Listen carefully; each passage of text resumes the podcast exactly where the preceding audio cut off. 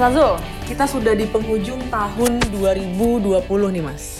Wih, selamat tahun baru ya. Iya, selamat tahun baru nih yang. Jadi kita ini terbit persis di akhir tahun 2020 yang sangat panjang ini yang kayaknya rasanya bukan 12 bulan, kayaknya 24 bulan deh kayaknya kalau gue. Iya ya, jadi berasa lama gitu ya kan. iya, udah ya. nggak ya. berasa jelas nih waktunya gitu kan. Dulu tuh kayaknya hmm. baca-baca pandemi itu cuma dari buku sejarah yang pandemi flu hmm. uh, Spanyol ya Spanyol. dulu banget hmm. atau mungkin hmm. kayak di film-film gitu kan kayak uh, Love in the Time of Cholera kayak gitu kan. Itu kan dari Benar. buku novel juga gitu. Hmm. Nah, sekarang nih Mas setelah setelah kita mengalami itu sendiri gitu loh di di akhir tahun ini walaupun tahun kita nggak tahu 2021 tuh bakal kayak gimana apa rasanya Mas Azul nih sedih atau bersyukur atau atau atau malah statis biasa aja gitu gimana Mas? Iya yeah, kalau mau dibilang sedih dan apa confused gitu ya saya kira itu dialami semua orang ya tapi gue gue kadang-kadang cuma hmm. ngelihat dari perspektif yang lain ya kan kadang-kadang hmm. tuh kalau kita baca buku sejarah atau nonton film kita kepengen kembali ke satu zaman yang excited, mm. excited gitu yeah. ya iya. buat kita ya, yang yang mencengangkan gitu apa perang atau apa yeah. gitu.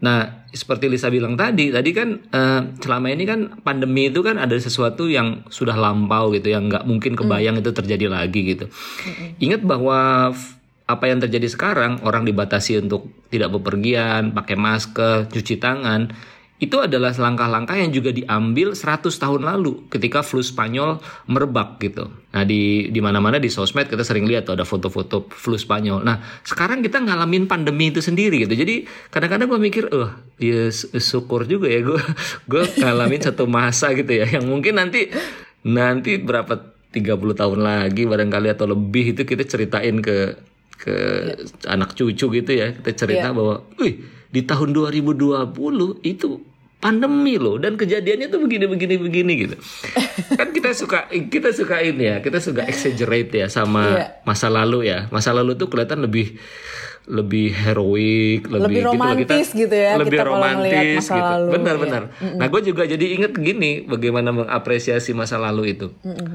uh, kalau kita ngelihat tuh sejarah Indonesia tuh Bung Karno, yeah. Bung Hatta dan dan seterusnya lah banyak sekali. Nah, Tempo kan sering banget tuh nulis itu ya. Yeah. Dan gue kan bagian bagian uh, salah satu yang terlibat lah dalam bikin liputan-liputan gitu.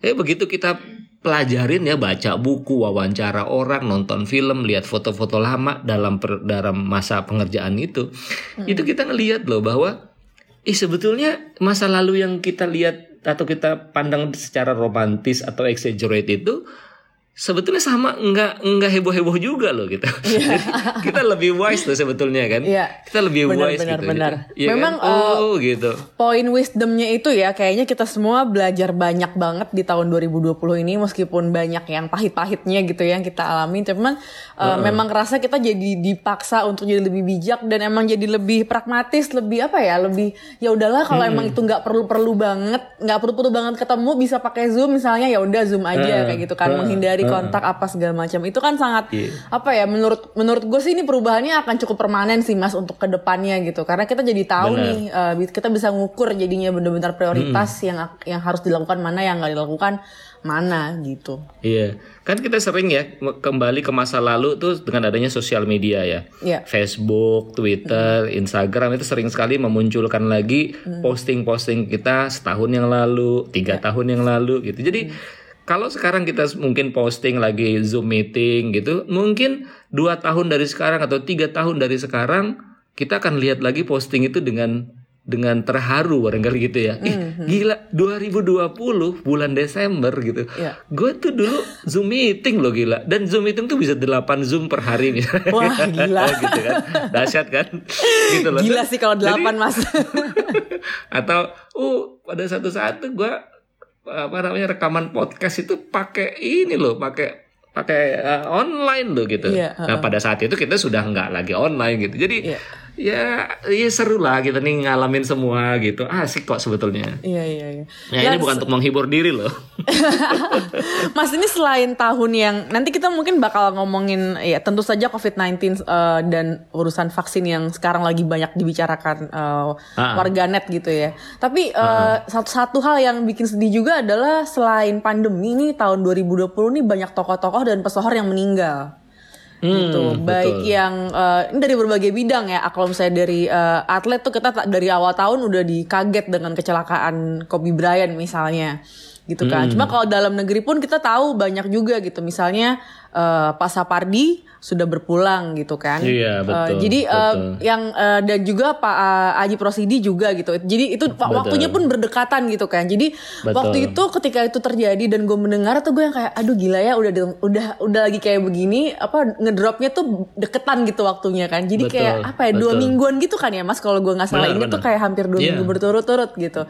Yeah, Tokoh-tokoh yeah. uh, penyair yeah. dan uh, pokoknya kita kan sangat kehilangan tokoh. Kalau Mas Nazul siapa Mas yang yang paling uh, disesali gitu atau dikangenin ya, atau ya uh, menurut gue sih Pak Sapardi ya karena secara psikologis deket ya jadi pak waktu Pak ya. Sapardi ya. meninggal gue dikasih tahu sama temen-temen hmm. itu kita nggak ada yang berani ya. nggak ya. berani layat gitu dan memang dilarang kan nah kita oh, iya, gue iya, iya. gue sama hmm. uh, eh, gue sama Bokin itu baru ngelayat itu beberapa hari kemudian gitu dan itu pilihnya pagi hmm. gitu supaya membayangkan mungkin sepi makam ya? itu sepi bener sih hmm. memang kita orang pertama hmm. yang ada di makam itu ya. beberapa hari setelah dia dimakamkan jadi uh, apa kuburannya itu udah kering gitu ya tanam apa hmm, hmm. bunga-bunga itu juga udah kering gitu dan tapi nambah nelongso ya gitu nambah ya ampun iya tambah sedih kan mas gimana tambah sedih coba? gitu karena nggak ada nggak ketemu orang nggak ketemu siapa siapa ketemu sama makam dan satu orang penjaga gitu Iya iya iya itu juga ya salah banyak tokoh-tokoh dan pesohor yang meninggal juga gitu kan dan memang tahun 2020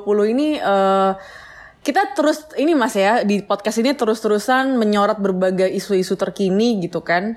Uh, hmm. Cuman memang uh, kadang-kadang uh, ada tuh mas yang agak-agak uh, nggak masuk nggak masuk jadi bahasan kita ada nggak ya Mas hmm. Azul uh, jadi catatan Mas Azul gitu hal-hal yang belum ikut terbahas di podcast apa kata Tempo uh, yang kalaupun dibahas tapi atau tidak saya lupa ya tidak dibahas atau dibahas tapi minim sekali di, di kita diskusikan di sini itu ada soal Papua ya padahal itu hmm. penting sebetulnya ya uh, ya. dan kalau dari dalam hal tajuk sih ditulis gitu ditulis hmm. sama baik majalah ya, di, maupun koran ya? gitu kan ya. dicetak uh, jadi itu juga yang kurang kurang kita diskusikan gitu ya. Bukan karena ngang, kita nganggap nggak penting ya tapi mm. persoalannya kita mesti milih tuh waktu itu kan. Ada yeah. persoalan lain yang juga tidak kalah besarnya dan ada soal Papua gitu. Jadi kita pilih yang mm. persoalan lain itu gitu. Jadi ya nanti 2021 kalau ada yang harus kita bahas kita bahas lah yang hal-hal yang yeah. mungkin jauh ya. Papua itu kan so, seperti jauh gitu tapi sebetulnya penting itu.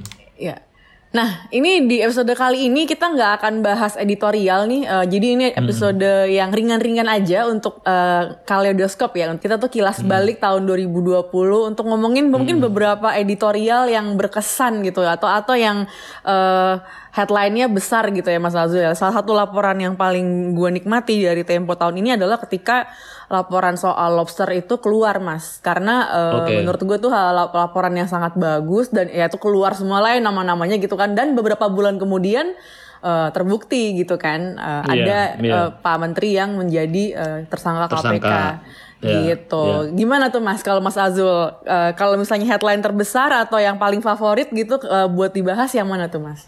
Ya, benar tuh mungkin mungkin ada ada unsur apa excitementnya gitu kita hmm. kagetnya gitu ya karena udah yeah. kita bahas terus ternyata hmm. secara hukum yeah. Ya. uh, ada tindakan gitu ya dari dari KPK gitu yeah. saya kira itu gue kira itu jadi kita ngerasa bahwa tuh kan gue udah ingetin gitu kan ada gitunya yeah. kan yeah, yeah. Uh, uh, tapi juga menurut gue sih yang yang nggak capek-capek kita bahas betapapun juga nggak selalu di Mm, diperhatiin adalah soal uh, pandemi ya, mm. pandemi.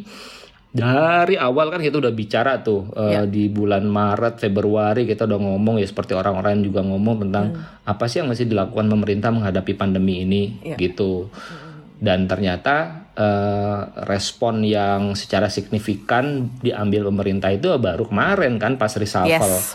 Karena kunci yeah. dari kemacetan penanganan pandemi adalah di, di Kementerian Kesehatan dan dalam hal paradigma dalam memandang pandemi, terus kehendak untuk ngambil tindakan-tindakan yang apa, tindakan-tindakan yang cepat begitu juga ada di Kementerian Kesehatan dan akhirnya mungkin presiden baru menyadari setelah 10 bulan bahwa dia harus mengganti menteri kesehatan gitu. Disebut 10 iya. bulan. Iya kan ya, ya Allah gitu 10 bulan itu kan berapa yang meninggal gitu loh. Iya, iya, iya. Iya kan, Iya, menterinya dipertahankan, terus bikin lembaga ad hoc ini dan lembaga Iya. ad hoc itu gitu. Iya, kan iya. kita udah ingetin tuh, Pak, Iya. bukan lembaga ad hocnya nih yang penting, tapi orang yang punya wewenang dan mengambil tindakan atas wewenang itu gitu. Iya, nah iya, sekarang ya memang kita nggak bisa bilang nasi sudah menjadi bubur, tapi kita harus mengatakan bahwa menteri baru Pak Budi Gunadi Sadikin harus cuci piring yang berantakannya luar biasa Yes, ya. gitu dari mulai pengadaan vaksin eh, apa konsolidasi di dun- di masyarakat kedokteran gitu gue juga Ya. baru baru ngeh nih setelah ganti menteri nih Lis gitu bahwa Ya. aduh centang perenangnya luar biasa gitu Iya, iya, iya. Oke, kita bakal runut nih dari Januari sampai Desember ya. Mungkin sebulan satu nih kita pilih satu isu yang mau kita eh, kilas balik dikit lah ya, Mas. Jadi mungkin eh, Ya. kalau mau nyiapin kopi dulu atau teh dulu nih buat pendengar apa kata Tempo boleh nih gitu. Cuman gue agak nyetir dikit nih Mas eh, sebelum kita masuk ke Januari. Gue penasaran sih. Tadi kan gue ngomong yang masalah eh, laporan soal eh, ekspor eh, lobster itu kan ya, yang lobster. Nah eh, itu kan pada akhirnya terbukti gitu. Pada akhirnya terbukti. Gue tuh mau nanya sih Mas sebenarnya seberapa sering itu terjadi gitu Mas. Jadi setelah ada laporan terus eh, implikasi hukumnya tuh terlihat di kemudian hari gitu Mas. Apakah selalu seperti itu? Sebagian besar laporan seperti itu atau gimana Mas kalau di Tempo? Eh, enggak juga sih kebanyakan Hmm. sebetulnya adalah liputan-liputan yang berhenti sebagai liputan saja jadi tidak Hmm. ada tidak ada tindakan hukumnya gitu Eh, meskipun kasus lobster bukan yang pertama gue pernah Ya. cerita kan dulu juga dalam kasus eh, impor daging sapi ya yang Yes. melibatkan partai politik Itu tahun berapa gitu. ya Mas ya? Oh, 2000 2010-an lah begitu ya. Udah dua digit lama ya, sih itu. 2000-nya. Ah, ah, udah dua, dua digit. gitu. Itu udah agak lama juga. Iya, Eh, itu eh, juga kita udah udah eh, apa pantau dan udah lupa ketika kita sudah lupa dengan isu yang lain ya terus Eh, KPK kejadian ya. ngambil satu kejadian, ngambil tindakan gitu. Dan orang nge-refer dari itu semua gitu. Iya. Banyak sih sebetulnya ya, ada Merasa ini ya, gak sih mas? Merasa puas nggak mas ketika itu beneran eh, ada terjadi implikasi hukumnya gitu? Gimana tuh kalau kawan-kawan redaksi? eh se- ya mungkin mungkin ngerasa bahwa apa yang ditulisnya bermanfaat kali ya kali gitu ya. Eh, Apa yang kita tulis itu ternyata akurat nih gitu. Meskipun akurasi itu kan tidak diukur dari apakah apa yang ditulis itu punya implikasi hukum atau enggak gitu. Kalau dia akurat ya dia akurat aja. Iya.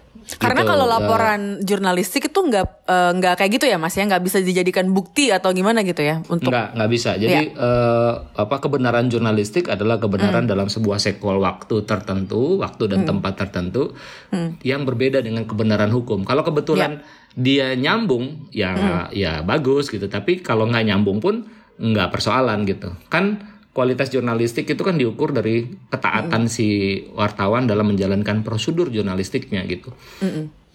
Oke, kita langsung kilas balik nih. Kita mulai dari Yuk, yuk. Januari 2020. Eh, mungkin waktu itu yang paling gue inget adalah eh, banjir sebenarnya. banjir tiada henti di Jakarta sampai gue pusing nih kenapa banjirnya lebay banget ya gitu. Eh, Cuman kalau di masalah editorial Tempo waktu itu mungkin yang eh, gong banget adalah skandal korupsi KPU nih Mas dengan Harun Masiku karena waktu itu ada temuan CCTV kan dari bandara yang ternyata membuktikan bahwa ada klaim-klaim yang salah nih. Gimana nih Mas Azul? Iya, iya, iya betul. Itu itu salah satu kasus yang apa temuan jurnalistiknya berbeda dengan eh, apa, perkembangan di di dunia hukumnya gitu. Eh, kita bisa kita bisa berdebat panjang atau kita bisa diskusi panjang bahwa ini tidak diurus dengan seksama oleh aparat penegak hukum misalnya ya. Tapi faktanya memang eh, dalam kasus Harun Masiku ya nggak tahu orangnya ada di mana gitu kasusnya juga eh, berhenti sampai di situ saja gitu tapi sekali lagi yang kayak begini-begini ini nggak boleh me- bikin frustasi gitu ya. Frustasi secara buat wartawan ya. Nggak jadi harus keep in mind bahwa kerja jurnalistik itu ya berhenti pada karya jurnalistiknya gitu. Kalau lu ngarepin orangnya ditangkap gitu setelah lu Ya. tulis nanti lu frustasi gitu. Padahal kerjaan lu tuh masih banyak banget. Minggu depannya ada lagi minggu depannya ada lagi. Jadi memang harus lebih harus lebih rileks gitu Iya. menghadapi yang begini-begini gitu. Dan ketika karya jurnalistiknya sudah selesai, move on to the next uh, issue gitu ya Mas ya. Isu betul, Iya. betul. Mm, gitu ya. Jadi memang uh, tapi kadang-kadang tuh memang susah ya. Kadang-kadang kalau misalnya kita udah uh, sekian begitu mendalami suatu isu gitu ya. Susah nggak kalau buat Mas Azul misalnya dulu ya ketika dulu mungkin uh, masih uh, masuk turun lapangan gitu. Susah nggak sih Mas untuk melepas isu tertentu gitu. Mungkin lagi gatal-gatalnya nih uh, membahas satu Kan- hal gitu. Iya kan eh, bikin liputan, terutama liputan investigasi itu kayak Iya. orang nyusun puzzle gitu ya, kayak orang Iya. nyusun puzzle. Eh, kalau puzzle-nya itu belum terkumpul semua, itu gemes terus gitu. Ini Hmm. mestinya ada lagi nih, ini mestinya ada lagi nih gitu.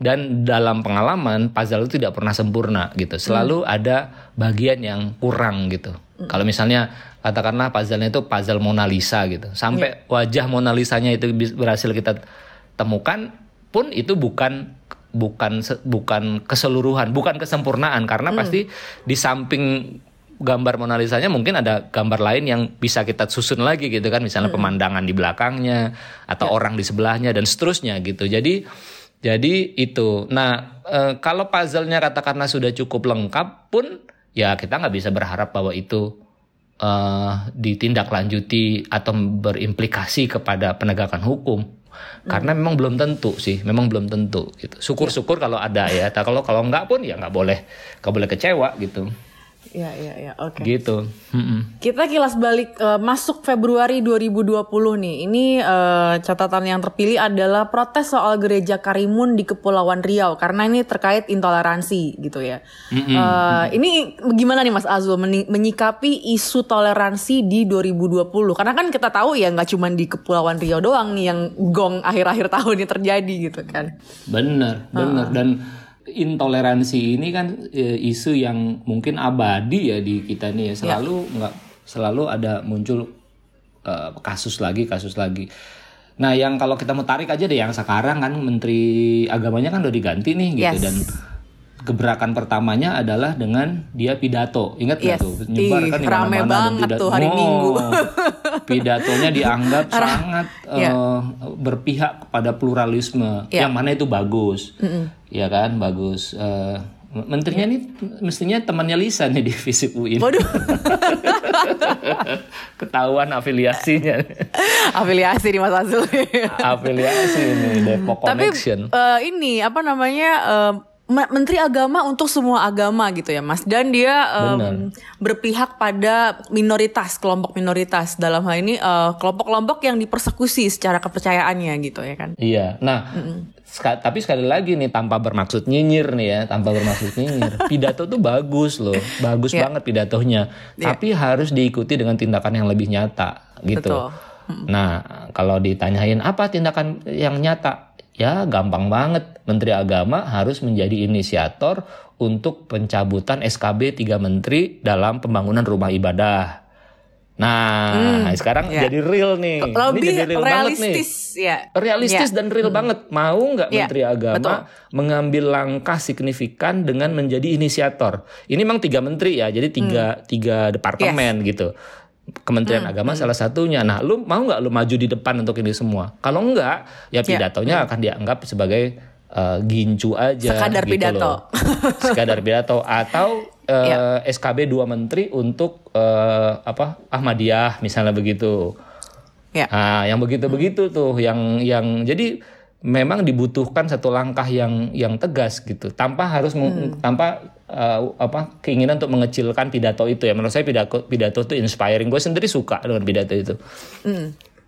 Iya, ini Gitu. eh, kita sebenarnya sangat menantikan ya Mas di 2021 ya menurut eh, gua. Nih kayaknya memang eh, coba kita lihat aja nih eh, kelanjutannya gitu kan. Apakah eh, hanya sekedar pidato atau beneran ada langkah realistis yang diambil oleh Menteri Agama kita yang baru. bener karena begitu dia mau begitu dia mau mencabut SKB itu problem teknisnya muncul tuh. Gimana dia bisa meyakinkan dua kementerian yang lain? Bagaimana dia bisa meyakinkan presiden?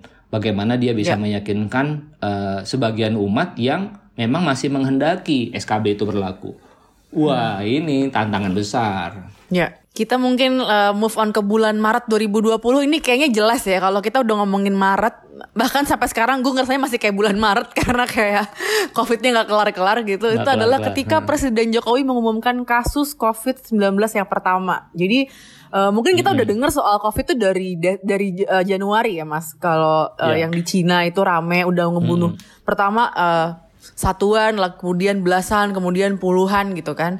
Hmm, uh, udah Februari tuh kayak kok kita nggak ada langkah apa-apa ya ini kayak udah pada masuk deh ini virusnya ke Indonesia gitu kan.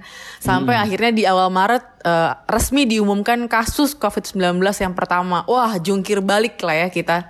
Yeah. Jungkir balik. Yeah. Nah Mas Azul waktu itu uh, apa yang apa yang pertama kali dilakukan redaksi tuh Mas untuk uh, bikin SOP meliput uh, pandemi ini gitu? Waktu pasien pertama itu muncul pasien yeah. number one yang di hmm. Depok ya, yang mm. penari dan yeah. ibunya itu, yeah. sebetulnya sebelumnya kan kita sudah curiga bahwa ini pasti udah ada nih gitu. Nah, gue ingat betul waktu itu bertepatan dengan peringatan ulang tahun Tempo majalah Tempo. Kita lagi oh iya ya mas ya, bertepatan ya. Oke. Okay. Ya, kurang lebih lah ya, kurang yeah, lebih. Yeah, yeah. Uh, waktu itu kita lagi kumpul-kumpul terus tiba-tiba ada yang nyolek, eh udah dapet tuh ya udah ketahuan tuh pasien number one gitu. Gitu. Yeah. nah waktu itu sebetulnya kita sudah mikir ini pasti bukan yang pertama mm. gitu cuman ketahuan yang pertama gitu. Dan uh, kita udah mikir bahwa uh, sebelum pasien nomor satu itu keluar kan denial ya pemerintah ya. Yeah, menteri uh, terawan uh, denial gitu kan. Uh, banyak lah yang enggak lah ini kita nih nggak bakalan kena lah dan seterusnya gitu. Nah tiba-tiba nalo kan ada yeah. kan gitu. Uh, ya pasti ini juga sih apa panik juga tuh teman-teman yang ngeliput itu. Gimana caranya supaya nggak tertular gitu. Kalau hmm. ingat dulu ada satu wartawan uh, televisi ya yang live dari Depok gitu dan dia pakai apa masker yang buat apa yang sampai kayak robot gitu loh. Gitu gak jadi kan iya iya iya iya. Ya kan rame. Ya memang kita kan belum tahu ya bagaimana harus bersikap terhadap satu satu uh, pandemi gitu. Uh, dan kemudian ya ada keputusan untuk PSBB kan di Jakarta kan gitu. Jadi memang uh, ya itulah awal dari uh, apa ke kehebohan pandemi ini. Dan jangan lupa loh ini sebentar lagi kita akan merayakan satu tahun. Satu iya, tahun pasien tiga bulan, pasien iya, satu. tiga bulan uh, lagi lah mas ya. Bener bener. Dan mungkin orang pengen tahu juga ya ke mana tuh ya pasien nomor satu ya. Semoga masih sehat-sehat aja ya. semoga masih sehat-sehat gitu. gitu Nah, terus nextnya di bulan April 2020 itu akhirnya dilakukan pembatasan sosial. Kalau kita di, tinggal mm-hmm. yang tinggal di Jakarta nih uh, eh, PSBB-nya udah langsung berlangsung dan uh, awalnya ya sebulan lah kita di rumah nih gitu ya Mas Azul ya. Mentalnya masih kayak sebulan dua bulan gitu. Tapi lama-lama kayaknya nggak kelar-kelar sampai sekarang gitu ternyata. Iya, iya, bener dan dan sebetulnya PSBB yang efektif itu PSBB satu ya. Yes. Iya kan sebelum kan ada Jakarta, transisi ya mas ya belum ada transisi ya, Jakarta betul. tuh sepi betul ya, dan mm -mm. uh, eh, gue pribadi itu benar-benar uh, cuman berhenti sampai sampai pos satpam doang ya. per, uh, mobilitas gue gitu benar-benar cuma di situ terus masuk lagi gitu ya. dan dan dampaknya luar biasa loh betul. waktu itu mm -mm. uh, positif positivity rate itu 4% betul jadi dari 100 orang yang diperiksa cuma 4, 4 yang, iya. bedain dengan sekarang di Jakarta udah mungkin 11 atau 12, di Indonesia udah hampir 25% positivity rate gitu. Dan orang semakin nggak peduli sekarang gitu. Mungkin karena sudah mulai terbiasa sama hmm. sama kecemasan gitu. Jadi Terbiasa. di awal-awal dulu tuh cemas cemas banget sampai yang nggak ke mana-mana gitu. Hmm. gitu. Iya betul. Jadi ya, nah mungkin ini juga terjadi lah kalau kita baca sejarah ya dulu ya di di uh, flu Spanyol juga mungkin sama juga gitu orang hmm. letih gitu menunggu dalam kecemasan ya mas ya hmm, kita masih hmm, inget hmm. banget kalau saya sih masih inget banget ketika Anies itu ngasih Pak Gubernur Anies Baswedan ngasih pidato gitu ya memasuki hmm. PSBB masa transisi gitu kan. Pidatonya hmm. uh, meyakinkan penuh kemenangan karena ini sudah turun gini gini gini. Itu saya itu yeah. sampai sekarang masih gue nanti nantikan tuh Mas pidato kayak gitu lagi karena ternyata yeah. angkanya nggak turun-turun. Tapi yeah. lanjut dan, terus transisinya gitu. Iya, dan gue tuh agak suka sedih tuh kalau orang yang bilang begini, lihat tuh yang bikin PSBB ketat seperti Eropa itu pun mengalami uh, second wave gitu yeah. naik lagi dia nah, Singapura yang udah begitu ketat juga yeah. uh, ternyata ketemu satu klaster yaitu klaster pekerja asing gitu yeah. uh -uh. naik lagi gitu jadi itu semak menjadi semacam pembenaran bahwa lu nggak usah gitu-gitu amat deh gitu lu nggak usah lockdown lockdown amat lah gitu yeah. uang negara lain juga naik lagi gitu kan Mm-mm. ya itu salah banget ya menurut kita ya yes. menurut gue sih salah banget gitu lu mm. harusnya usaha gitu lu harusnya yeah. usaha untuk mencapai itu semua bahwa nanti mungkin ada satu yang miss sehingga itu bisa balik lagi itu itu soal lain lagi gitu. Tapi kalau lu Ya. gelontorin tanpa tanpa kebijakan ya kayak sekarang nih akibatnya gitu. Mm. Ya, itulah ya. Masuk ke bulan Mei, eh, kita agak-agak pindah dari COVID. Ini ada penyanyi legendaris Didi Kempot yang meninggal. Ini Didi Kempot ini ikonik banget nih Mas Azul ya. Eh, kenangan terakhir gue gue nggak nggak sempat ngelihat eh, konsernya tuh. Ketika tuh kan sempat ada konser ya sekitar bulan apa tuh ya akhir tahun 2019 kalau nggak salah tuh ada konsernya gitu. Tapi eh, salah satu kenangan yang paling gue itu adalah penampilan dia di iklan menggantikan itu iklan sebuah ini e-commerce.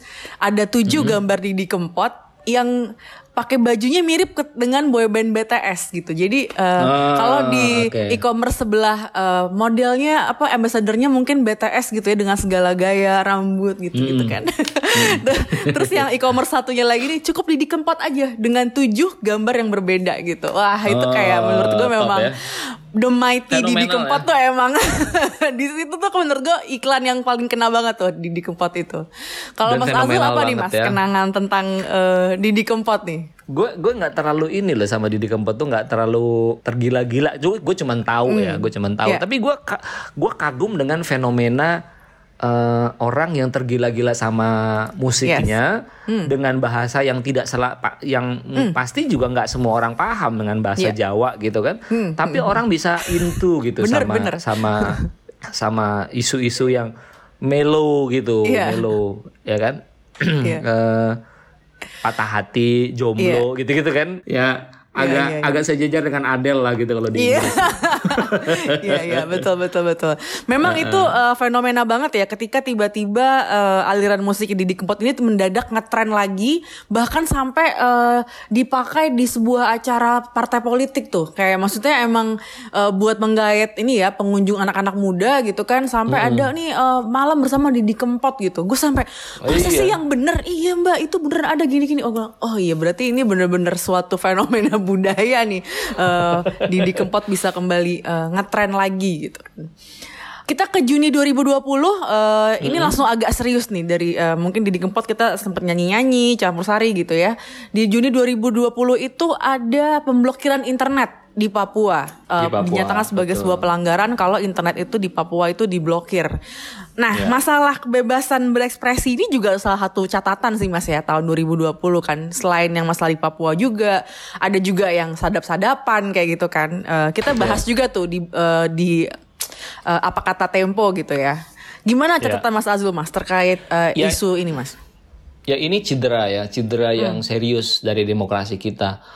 Jadi eh, demokrasi yang sekarang terja yang berjalan sekarang ini di bawah kepemimpinan Pak Jokowi itu lepas dari segala plus minusnya itu mem- me- memberi satu catatan penting tuh di sini yaitu pe- pemberangusan kalau boleh dikatakan begitu terhadap eh, suara-suara yang berbeda.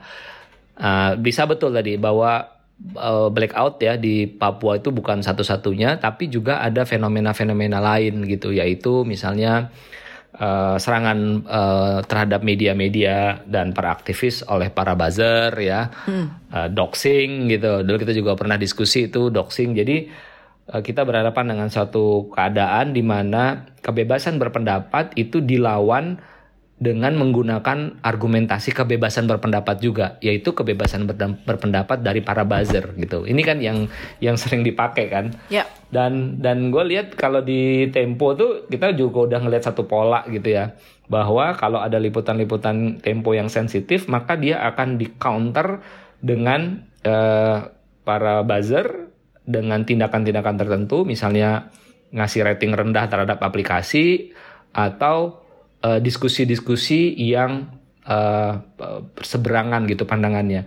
Yang kalau kita baca dari luar seolah-olah gitu, seolah-olah ya oke dong, kan ini kebebasan berpendapat Iya. gitu kan.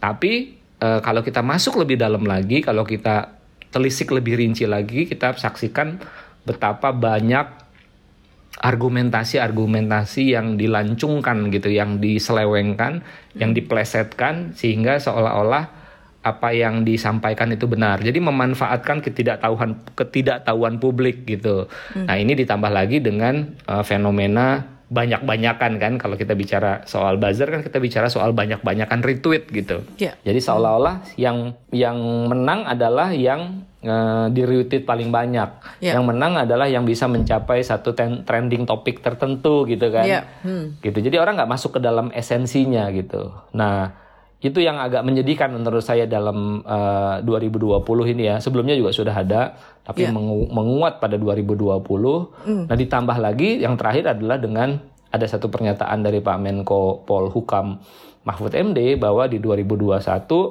uh, kontra narasi dari polisi cyber istilahnya dia itu akan yeah. lebih digiatkan, mm. yaitu meluruskan. Nah ini bahasanya nih meluruskan pendapat-pendapat atau pemberitaan-pemberitaan yang salah gitu. Mm -hmm. Nah, meluruskan ini kan kalau begini kan pengertiannya bukan meng, bukan mendiskusikan tapi yeah. mengcounter dengan apa yang saya katakan tadi gitu. Jadi yeah. welcome to the buzzer zone lah ini kita. Mm -hmm. Gitu karena uh, sudah diberi apa? Sudah diberi uh, uh, pengantar nih orang Pak oleh yeah. Pak Menko bahwa itu akan dilakukan lebih intensif lagi gitu. Jadi uh, apa ya berbagai kebijakan yang dikritik itu tidak di eh, tendensinya akan di 2021 tidak akan didiskusikan, tidak akan didudukkan sehingga ada pertukaran pikiran yang yang jernih, tapi akan dikonter gitu. Hmm, nah, yeah. dikonter dengan cara apa? Dikonter dengan caranya dengan menggunakan cyber troops dan seterusnya hmm. tadi dengan logika-logika yang saya yang saya uraikan. Yeah. Gitu, Lis. Agak serem sih menurut gue. Ya. Memang meskipun agak, ini legal ya. Memang agak mengkhawatirkan nih Mas ya soal uh, polisi cyber ini kan. Jadi kesannya tuh kayak apa ya? memata-matai warga apa gitu kan terus jadi semacam yeah. ada era otoriter yang baru kayak gitu yeah. ngerasa gitu ya. nggak yeah. sih Mas Azul? Iya iya jadi ke, kalau memang betul polisi cyber yang akan di, dilegalkan gitu ya di yeah. dijustifikasi maka yang mungkin terjadi atau kemungkinan besar terjadi hmm. adalah fenomena doxing, ad hominem, yeah. itu akan terjadi gitu. Jadi hmm. kalau kalau lu nulis tentang sesuatu yang mengkritik pemerintah, lu nggak akan di nggak akan di counter topiknya yeah. gitu. Dia nggak akan hmm. buka pintu untuk ayo kita diskusikan kenapa lu mengkritik ini gitu. Nggak akan begitu, tapi lu akan di doxing. Di doxing hmm. tuh dicari-cari. Oh, yeah. ternyata lu pernah nggak naik kelas gitu kan. Yeah. Nah, itu uh, doxing itu pak partnernya adalah ad hominem hmm. gitu sesuatu yeah. yang tidak ada hubungannya tapi dipaksakan dan itu diperkuat oleh uh, uh, apa cyber troops gitu mm. tuh kan gimana bisa kita percaya sama berita orang ini wong yeah. dia iya. dulu pernah nggak naik kelas gitu yeah, kan yeah, dua yeah. hal yang berbeda gitu mm, dua hal yang berbeda tapi kalau itu dikatakan oleh sekian juta uh, cyber troops gitu orang yeah. akan oh iya benar orang akan percaya dia percaya juga ya lama orang akan ya. percaya yeah. gitu nah mm. ini kan nggak sehat sekali yeah. gitu fenomena ini mm -mm. Ya itu uh, mungkin men menuju 2021 tuh salah satu hal yang ini ya yang agak mengkhawatirkan juga ketika kemarin uh, Menko Polhukam kita menyatakan oh ya ada polisi cyber gitu. Gue kayak Oke, okay. mau 2021 nih kayak udah kembali ke kapan tahu nih mas kayaknya kita iya. kilas baliknya mungkin nggak cuma 2020 kayak ke tahun-tahun kemarin iya. gitu. Di Juli 2020 mungkin yang diomongin semua orang adalah vonis dari penganiaya novel Baswedan gitu ya mas ya karena uh, ini uh, ternyu banget gitu terutama ketika Pak Novel Baswedan sendiri ngomong udahlah nggak usah dihukum gitu kan eh, nggak uh, hmm. usah dihukum karena uh, saya yakin tuh kayak bukan dia tuh pelakunya gitu. Gimana Mas Azul hmm. menyikapi ini Mas? Ya ini juga balik lagi loh sama ya. nih dengan fenomena yang kita cerita tadi hmm. gitu. Apa yang terjadi sama novel Baswedan itu berusaha dipelintir hmm. gitu. Jadi bukan didiskusikan tapi dipelintir dengan mengatakan bahwa uh, eh, KPK itu harus diluruskan karena banyak Taliban di sana. Gitu, banyak kelompok Islam radikal dan novel Baswedan dijadikan sebagai uh, apa ikonnya lah gitu dari Islam yeah. radikal kan dua hal yang dua hal yang yang nggak berhubungan gitu. Yeah. Terus dipakai argumen gini, lihat tuh uh, yang diserang kan politisi-politisi atau yang ditangkap, yang diusut kasusnya adalah politisi-politisi nasionalis saja, yang politisi hmm. yang berasal dari partai-partai agama nggak pernah disentuh, hmm. gitu. Titik sampai hmm. situ. Ketika yeah. orang kemudian ngasih argumen, eh inget dong dulu PKS dalam kasus uh, impor daging sapi itu siapa yang ngerjain? Kan orang yang sama KPK yang sama Novel Baswedan dan segala penyidik yang sama ya. juga. Jadi nggak pernah. Track record jelas ya Mas Azul?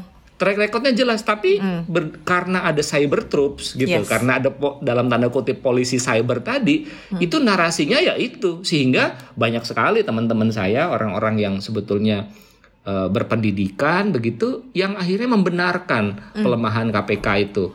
Gitu. Nggak bisa nih Rif gitu. Nggak bisa Zul karena di sana tuh sudah dikuasai oleh kelompok Taliban gitu. Ya nah yang kayak begini nih yang mau dikembangin, waduh ngeri banget gitu kan, Iya. Eh, betapa berbahayanya demokrasi kita di masa-masa yang akan datang.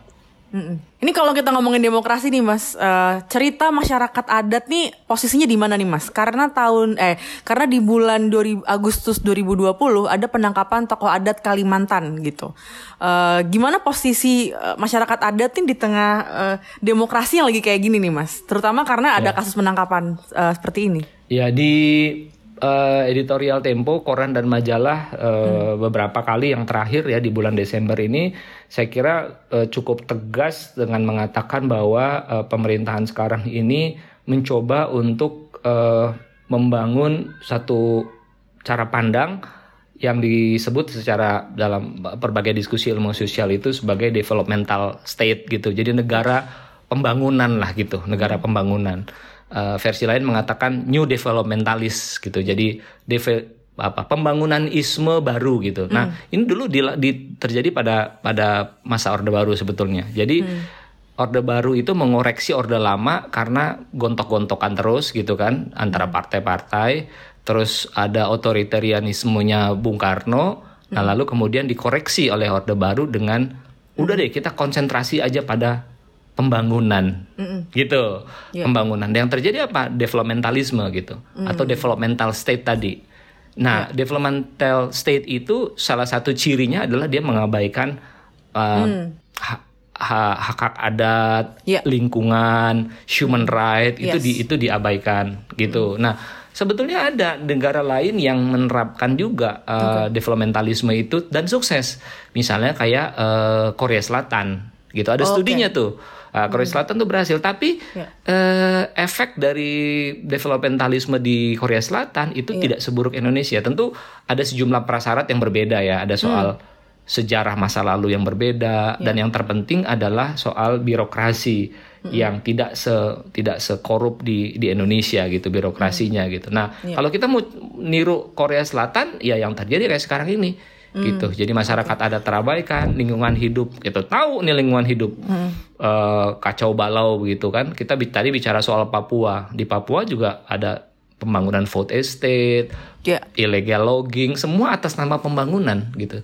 Jadi jadi eh, kita bisa bilang tuh eh, semua ekses yang kita diskusikan ini itu kalau kita tanya kepada pelakunya dia akan mengatakan ini buat pembangunan Ya. gitu. Kalau enggak kita nggak bisa maju gitu. Itu Iya. paradigmnya eh, developmentalism kan. Hmm. Ini mungkin gue recap dikit buat pendengar apa kata tempo yang mungkin agak-agak lupa nih eh, akhir Agustus tuh ada konflik lahan adat itu ya ketika ada satu kelompok polisi ini menangkap eh, Effendi Bu- Buhing di Kalimantan Tengah gitu atas tuduhan mengambil aset PT Sawit Mandiri Lestari gitu. Jadi Effendi ini tokoh adat eh, Laman Kinipan dia dia memprotes okupasi lahan adat eh, oleh perusahaan itu gitu. Jadi PT Sawit itu konon dapat izin eh, dari bupati untuk mengolah lahan. Nah, lahannya ini adalah eh, menindih wilayah adat komunitas Dayak gitu kan. Jadi memang eh, ini ya Mas ya karena semacam kayak belum ada pengakuan gini karena status hukumnya kan dianggap lebih rendah nih. Eh, kepemilikan masyarakat Laman Kinipan ini adat ini ter- eh, dibanding oh ini sumber daya alam untuk negara misalnya kayak gitu ya Mas Asul. Iya. Nah, di bulan September tadi kita ngomongin masyarakat adat gitu ya. Di bulan September nih kita pindah ke Intan Jaya di Papua, di mana terjadi eh, pembunuhan pendeta Yeremia. Ini terjadi 19 September gitu ya. Dia tewas di distrik Hitadipa di Intan Jaya, Papua. Awalnya dinyatakan tewas dibunuh oleh kelompok bersenjata organisasi Papua Merdeka. Tapi terus ada hasil investigasi tim gabungan pencari fakta Intan Jaya itu dibentuk sama ini ya. Kemenko Polhukam di- kesimpulannya adalah di pendetanya ini tewas karena person, pelak- kelakuan personel tentara nasional Indonesia gitu. Jadi ada ada dugaan menganiaya pendeta sampai tewas gitu. Nah, Mas ini masih terjadi nih kekerasan oleh eh, aparat militer gitu ya di tanah Papua gitu. Gimana nih Mas nih tahun 2020? Iya ini memang agak rumit ya Papua ini problem yang yang rumit. Dia berbeda dengan uh, Aceh dulu karena Hmm. di Aceh itu pemerintah tahu dia harus diskusi sama siapa gitu. Yaitu gerakan Aceh Merdeka. Betapapun GAM bu- tidak merepresentasikan seluruh rakyat Aceh tapi dia merepresentasikan kekuatan bersenjata dan kekuatan politik yang ada. Jadi clear dia mesti ngobrol sama siapa nih gitu. Nah di Papua itu nggak ada gitu. Di Papua tuh nggak ada. Jadi eh dulu ada teis ya. Dulu ada teis. Eh, tidak sebesar GAM tentu saja tapi kemudian kita tahu eh, terjadi pembunuhan terhadap teis gitu. Nah gue juga ngobrol ya dengan teman-teman di Kementerian Luar Negeri ya mereka yang paham lah gitu dalam eh, resolusi konflik gitu ya bagaimana mengatasi konflik eh, kedaerahan gitu. Nah dalam secara teori sebetulnya menghandle ini adalah dengan cara dialog. Itu itu teori yang umum tuh kita bicara soal Belfast kita bicara soal Irlandia semua itu dasarnya harus dialog jadi dialognya mungkin nggak nggak nggak langsung menghasilkan satu efek tertentu tapi yang pasti adalah dialog dan kekerasan itu dua hal yang berbanding terbalik kalau pakai hukum matematika tuh. Jadi kalau dialognya ditingkatkan mudah-mudahan kekerasannya bisa ditekan. Nah itulah eh, sebabnya berbagai macam eh, kasus serupa, misalnya dulu ada Irlandia, de- Spanyol juga ada, itu dibanyakin dialognya terus gitu, Ya. ber, bertubi-tubi gitu dialognya itu. Nah dalam kasus Aceh juga begitu, setelah pemerintah menyadari bahwa operasi ke- eh, bersenjata itu tidak efektif gitu, Ya. karena malah menciptakan luka baru gitu buat generasi berikutnya karena bapaknya mati ditembak dan seterusnya, maka di eranya Gus Dur tuh gue inget eh, tahun 99 tahun 2000 itu mulai punya pemerintah punya paradigma baru untuk dialog gitu. Nah, ketika itu enak, jadi jelas gitu. Dia mesti ngomong sama siapa? Dia mesti bicara sama GAM. GAM itu dipimpin oleh Hasan Tiro gitu. Ya. Nah kalau di Papua agak susah gitu, di Papua ini agak susah dan setiap kali ada satu tokoh yang mulai mulai bisa dianggap sebagai representasi rakyat Papua itu kemudian diselesaikan secara eh, politik, diselesaikan secara militer gitu. Nah eh, kalau pakai bahasanya teman-teman itu kayak ngebakar jembatan gitu. Mestinya lu bangun jembatan dong, lu bangun jembatan supaya ada dialog dengan u- orang di ujung jembatannya gitu. Tapi kalau jembatannya lu bakarin terus, gitu lu nggak bisa lu nggak bisa dialog. Dan itulah yang terjadi sekarang. Bingung gitu. Be Benny Wenda tuh ada di Inggris ya nggak susah nggak bisa merepresentasikan juga gitu. Mas, tapi kalau kita ngomongin dialog ya, sebelum kita move on nih ke bulan berikutnya Hmm. gitu. Kalau kita ngomongin dialog, sampai kapan sih Mas dialog ini eh, kita harapkan terus terjadi gitu? bisa panjang kok memang bisa panjang. Di Aceh dia menjadi relatif pendek karena ada tsunami. Jadi blessing in disguise. Orang gamnya juga ngerasa aduh gua udah kita udah nggak kuat lagi nih kasihan rakyat kita. Karena dihajar tsunami di 2004 kan? Ya. Gitu. Nah, eh, tentu kita tidak berharap ada bencana di Papua, Yes. tapi eh, eh, format dialognya itu memang mesti mesti jangka panjang gitu. Oke. nggak bisa nggak bisa cepet tuh, nggak bisa cepet dan dan dalam banyak hal itu sebetulnya dialog untuk menekan kekerasan dan pembangunan ekonomi bisa jalan barengan gitu. Misalnya kayak ke kelompok-kelompok eh, apa separatis di Spanyol gitu ya. Di daerahnya itu tetap dilakukan misalnya eh, wisata turisme gitu loh. Jadi eh, dalam dialognya itu bisa saja nanti dikasih klausul misalnya oke kita berdialog nggak ada kekerasan supaya turis bisa masuk ke daerah lu dan mereka nggak terancam nyawanya gitu. Akhirnya apa? Ekonominya tumbuh gitu. Itu bisa, bisa banget gitu. Itu bisa banget gitu. Ini ini Sementara- gue nanyain soal dialog ini Mas karena gue melihat percakapan eh, seputar Papua ya, terutama di kalangan anak-anak muda gitu kan. Mereka tuh cenderung sekarang sudah melihat apa ya requiring eh, result gitu. Jadi kayak "Ah, terus apa nih hasilnya? Terus Papua sampai kapan diginin kayak gitu loh Iya. Mas. Jadi kayak Iya. ada ada kayak ya udah putusin aja Papua harusnya gimana kayak ada ada Iya. ada semacam arahnya ke situ gitu. Gimana kita nyikapin yang kayak gini Mas? Ya itu karena orang kita suka nggak sabar gitu kan. Either or lagi gitu. Dia pengennya Iya. damai, sejahtera, sama seperti provinsi-provinsi lain atau lepas gitu. Hmm, ya. Kalau sebel-sebel udahlah lepas aja ntar juga paling kayak tim-tim gitu. Emang enak Iya. Berpisah kan gitu tuh pikirannya gitu. Padahal sebetulnya ada jalan tengah gitu. Yaitu eh, mengagendakan dialog sementara hal-hal yang lain yaitu pembangunan, turisme dan sebagainya bisa tetap jalan juga gitu. Lihat Irlandia, Irlandia di di Inggris kan itu juga kan begitu. Terus dialognya panjang begitu. Gitu dan banyak itu contoh-contoh begitu. Ya. Oke, kita move on ke Oktober nih. Oktober mungkin bulan yang panas terutama di ibu kota dan juga sejumlah kota-kota lainnya di Indonesia ya. Karena ini adalah ketika Omnibus Law nih diresmikan uh, secara cepat ya Mas Nazul. yeah. The Flash nih ya peresmiannya gitu kan dan terjadi banyak sekali protes di banyak tempat gitu ya. Uh, Dan ini sayangnya memang terjadinya emang cepat banget nih Mas ya. Nggak nggak nyampe hitungan apa ya minggu gitu kayaknya ya. Iya iya betul. Gitu gimana nih mas menyikapi? Ya, kita udah banyak ngomong sih ya sebenarnya kalau soal omnibus law gitu. Uh, udah sering dibahas di podcast ini juga gitu kan. Cuman yeah. di penghujung tahun terus nanti kita mau tahun depan uh, gimana nih Mas melihat omnibus law? Ya, ya itu artinya kita kan ngelihat ya bahwa bagaimana satu kebijakan kita akan lihat nih di 2021 ketika diimplementasikan dan tahun-tahun selanjutnya bagaimana efektivitas dari sebuah uh, peraturan perundang-undangan yang dibikin dengan tidak mengacuhkan atau mengabaikan dengan dengan mengabaikan aspirasi publik gitu. Bisa efektif nggak sih gitu? Bisa nggak orang nurut dengan satu peraturan yang uh, uh, uh, para pelakunya itu setengah hati gitu? Hmm ini juga akan jadi satu satu uh, persoalan tertentu gitu. Ya kita lihat gitu. Pendekatan pendekatan-pendekatan yang potong kompas gitu ya. Kan kita ini kan hmm. kadang-kadang di pemerintahan sering kali gitu gergetan gitu. Wah ini gimana investasi mau masuk? Orang hmm. oh, perizinannya susah banget ininya susah banget buruhnya minta harga mahal dan seterusnya. Oh kalau gitu kita potong aja gitu dan hmm. itu pengen cepet-cepet jadi semangat pengen cepet tidak salah sebetulnya semangat yeah. pengen cepetnya asalkan prosedur hukumnya itu dijalankan dengan dengan tertib gitu orang diajak bicara gitu persis lah kayak Pak Jokowi di Solo dulu ya ketika dia mindahin uh, merelo merelokasi pasar di Solo mm. dan itu kan bisa efektif berjalan sampai sekarang tanpa gejolak karena ada kehendak untuk berdialog gitu nggak nggak ada capek-capeknya dulu Pak Jokowi yeah. itu sebagai wali kota tuh Yeah. Uh, kalau masih ingat mungkin cerita pada waktu itu diajak makan gitu kan, terus yeah. Iya. uh, apa pedagangnya nanya, ini agendanya apa sih makan? Enggak kok cuma makan aja. gitu. terus pulang. Siapa sih yang nggak mau diajak makan bareng gitu?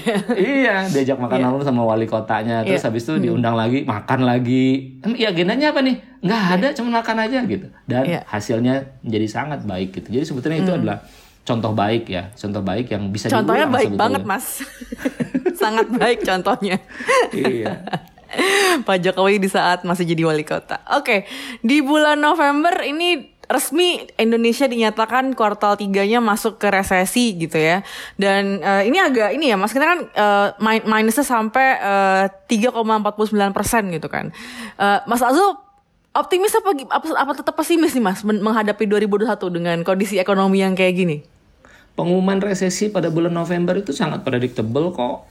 Bukan hmm. sesuatu yang baru di ya. akhir semester 1 itu bulan Juni Juli kita udah bisa kita udah bisa punya gambaran yes. lah ini sih pasti minus gitu kan. Hmm. Ini kan cuman persoalan mau diakui atau tidak diakui saja gitu.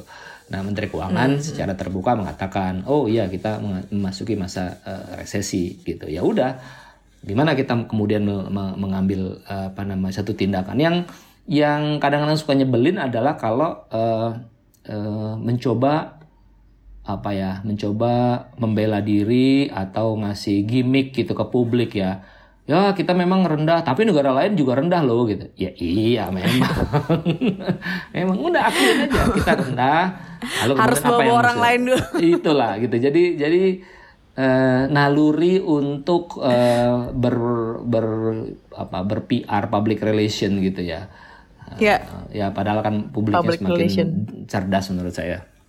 Mm Oke, jadi lalu kemudian di akhir tahun inilah ya Mas yang paling headline yang besarnya mungkin adalah penembakan brutal uh, eh, 6 anggota FPI gitu ya. Itu juga ramai banget. Ya. Yeah. Uh, itu hi catatan hitam banget ya Mas di akhir tahun gitu ya dan kelabakannya itu udah kita bahas ya Mas berkali-kali di podcast uh, salah salah yeah. urus, salah uh, mismanage-nya uh, terkait yeah. kasus ini gitu ya. Uh, nanti menurut Mas Azul, apakah tahun depan ini akan lebih baik Mas penanganan untuk terkait hal yang berkaitan dengan kelompok seperti ini?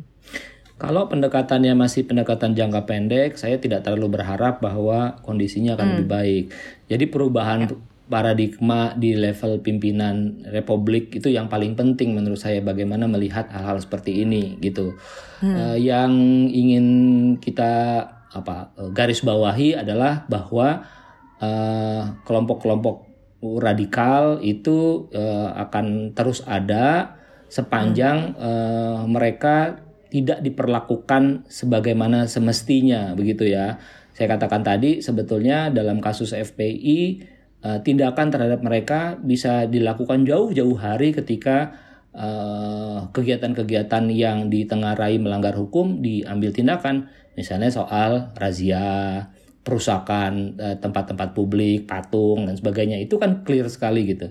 Tapi uh, ketika itu kan itu tidak ditindak. Nah begitu dia sudah masuk ke wilayah-wilayah politik begitu mengganggu jalannya pemilu menjatuhkan seorang apa calon gubernur pada 2017 gitu yeah. uh, itu itu baru ditindak gitu. Uh, jadi selalu uh, nah sekarang kan ada fenomena baru lagi yaitu uh, kasus chat apa chat porno ya dulu sempat ada yes. kasus itu yang sebelumnya sudah di SP3 oleh polisi tidak dilanjutkan sekarang oleh sekarang oleh pengadilan dinyatakan itu akan yeah. diangkat kembali gitu jadi yeah orang langsung mikir oh kalau gitu ada satu kasus itu bisa hmm, hilang dan muncul tergantung pada konteks politiknya dong nah, kan selalu gitu kan nah ya. ini yang mengakibatkan e, tidak bisa disalahkan kalau mungkin publik e, kemudian menaruh simpati gitu terhadap orang yang sebetulnya mestinya tidak perlu e, ya, kita bersimpati terhadapnya gitu misalnya gitu ya jadi e, ya ya begitu yang terjadi Mas Azul, ini Tempo kan kritik mulu nih Mas ya. Kritiknya ya. keras mulu nih Mas. Jadi hmm. PSBB salah, vaksin uh. gratis, reshuffle salah juga. Ini maunya apa sih Mas Tempo nih sebenarnya Mas? Hmm. Mau ganti presiden apa katanya ya Mas ya? ini banyak banyak yang selentingan nih, banyak selentingan nih Mas katanya. Apa mau ganti presiden kalau ini Tempo nih? Benar benar. Gue sering tuh ditanya gitu tuh. Jadi ya. kenapa hmm. sih nge, uh, rewel banget gitu ya ketika ketika udah diganti kabinetnya lo masih rewel juga gitu ya satu sih tentu saja tugasnya media emang harus rewel gitu mm. media itu sebagai salah satu organ demokrasi ya tugasnya seperti itu gitu nggak apa-apa gitu uh, lo mau terima lo nggak terima ya terserah gitu yang penting uh, media kan ngomong gitu tapi Uh, dalam banyak hal kita lihat memang peran media itu satu untuk mengkritik, tapi di pihak lain memang kita di Tempo ngelihat ada beberapa kebijakan yang diambil yang yang betapapun tepat, tapi selalu terlambat atau tidak berubah secara esensial gitu loh, tidak berubah hmm. secara esensial gitu. Misalnya ya tadi kita ngomong soal pergantian Menteri Kesehatan gitu ya, ya kalau lo lakukan itu 10 bulan lalu atau 8 bulan lalu pasti dampaknya akan lebih bagus. Jadi ya. kalau ada orang nanya uh, hmm. apa maunya Tempo, apa reshuffle salah juga gitu. Apa mau ganti pemerintahan? Oh kalau kita sih tegas sekali dalam hal itu nggak boleh, hmm. nggak hmm. boleh. Jadi pemerintahan itu harus berganti lewat jalur-jalur yang semestinya, yaitu ya. pemilu gitu. Jadi kalau kita nggak percaya atau tidak puas dengan satu uh, pemerintahan ya dia harus diganti lewat prosedur dan mekanisme yang sudah kita sepakati bersama yaitu ya. pemilihan yeah. umum gitu. Hmm. Tapi itu bukan berarti sepanjang presiden itu memerintah, apakah Jokowi, apakah SBY, itu ya. langkah-langkah yeah. yang diambil harus dibiarkan begitu saja sampai tunggu pemilu berikutnya. Enggak dong, harus hmm. tetap diingetin dong gitu loh. Yeah. Ya kan? Ya, karena kan dia mendapat mandat dari rakyat gitu. Yeah. Jurnalisme juga sesuai undang-undang juga mendapat mandat oleh rakyat juga lewat undang-undang untuk bikin liputan-liputan gitu. Hmm. Jadi semua mekanisme itu mesti berjalan terus. Nanti sampai akhirnya nah kita lihat uh, hmm. proses politiknya seperti apa gitu. Hmm. Jadi sesuai dengan konstituen ya Mas ya emang ya sesuai bener, prosedur nih gimana bener, gitu. Bener. Tuh gimana tuh di Amerika tuh orang betapa sebelnya sama Presiden Trump, ya kan? Yes. Uh-uh. Gitu. Tapi, Tapi tetap ya nunggu pilpres. Nunggu, ya, nunggu pilpres. Nah begitu di pilpres baru, baru mereka mengambil satu langkah tertentu. Yeah. Gitu. Oke, okay, mungkin itu tadi ya uh, kilas balik kita dalam setahun terakhir isu-isu yang uh, perlu dibahas gitu ya dan sudah dibahas oleh Tempo di koran ada di majalah ada gitu kan. Kalau mau dengerin yang di podcast silakan aja ke playlist episode kita bisa tahu lebih detail itu ya. Dan ini untuk tahun 2021 katanya Tempo ini Mas ya. Jadi korannya pindah ke online ya Mas katanya, full digital. Gimana tuh Mas? Iya iya, uh, kan hmm. udah diumumin tuh. Jadi uh, satu program yang udah kita siapin sejak 2017 terhadap koran Tempo Hmm. Alhamdulillah bisa kita eksekusi pada 2021 yaitu kita hmm. murni full hmm. digital gitu dan uh, memang uh, cetak ini kan sudah sangat ketinggalan ya pertama yeah. dia uh, buruk secara environmental gitu karena pakai kertasnya itu dari uh, kayu dan itu pasti jelek gitu dan hmm. kedua kalau pakai kertas itu nyebarinnya ke pelosok-pelosok juga butuh waktu dan butuh biaya jadi tidak ya. terjadi demokratisasi kan dengan digital. Mm. Lisa baca di Jakarta sama atau siapa di Bali di Papua ya sama waktunya gitu. Jadi lebih ya. dan yang pasti lebih murah gitu. Nah, syukur mm. akhirnya kita ngelihat bahwa uh, sekarang nih 2021 ini saat yang tepat nih pada saat mm. uh, sosialisasi terhadap koran Tempo digital sudah begitu masif, orang sudah mm. udah banyak banget gitu yang baca uh, ya. lewat digital ketimbang cetaknya gitu. Nah ini yang beda dengan majalah. Kalau majalah tuh orang masih masih kekeh tuh kepengen pegang kertas gitu. Jadi kita belum hmm. bisa pindah 100%. Nah di koran tuh jauh lebih jauh lebih progresif membacanya. Ah ngapain itu? Gue pengen di aplikasi aja gitu. Nah jadi kita hmm. enak pindahnya gitu. Hmm. Jadi kalau mau langganan tetap ya langsung nih majalah, koran, online semuanya bisa masuk ya mas ya di aplikasi di Tempo web, itu konten konten ada gitu. di web, ada di aplikasi. Ada aplikasi. Gitu. Oke, okay, thank you banget yang udah dengerin apa kata Tempo sepanjang tahun 2020. Uh, eh, kita jumpa lagi gak Mas tahun 2021 nih? Harus dong, harus. harus ya. Harus. Kita akan terus ngobrol-ngobrolin isu-isu terkini editorial Tempo mengkritik pemerintah, Mas Azul? Ya, iya dong, harus dong. Terus ya lanjut ya. Jadi kita emang uh. berharap nih supaya podcast apa kata Tempo ini ngebantu para pendengar supaya tetap lebih sober lah dalam menghadapi berbagai isu terkini. Jadi nggak hmm, kebawa-bawa dengung-dengan yang lain hmm, gitu kan. Betul. Keren banget itu istilah itu. Iya, itu kan gue belajar dari Tempo mas. Oh dengungan nih bahasa Indonesianya. gue taunya bas-bas aja gitu kan. Oke, okay, selamat libur tahun baru. Sampai jumpa tahun depan. Bye bye. Bye bye.